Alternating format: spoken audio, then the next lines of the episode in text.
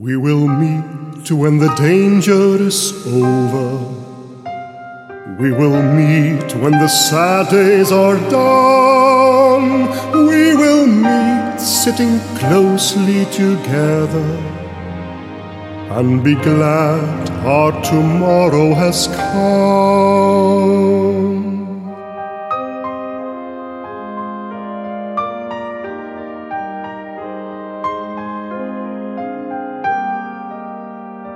We will join to give thanks and sing gladly.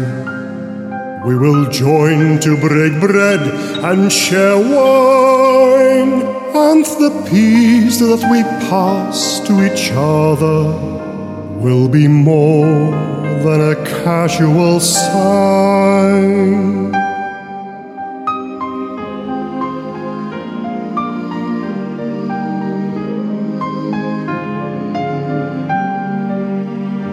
So let's make with each other a promise that when all we've come through is behind, we will share what we missed and find meaning in the things that once troubled our mind.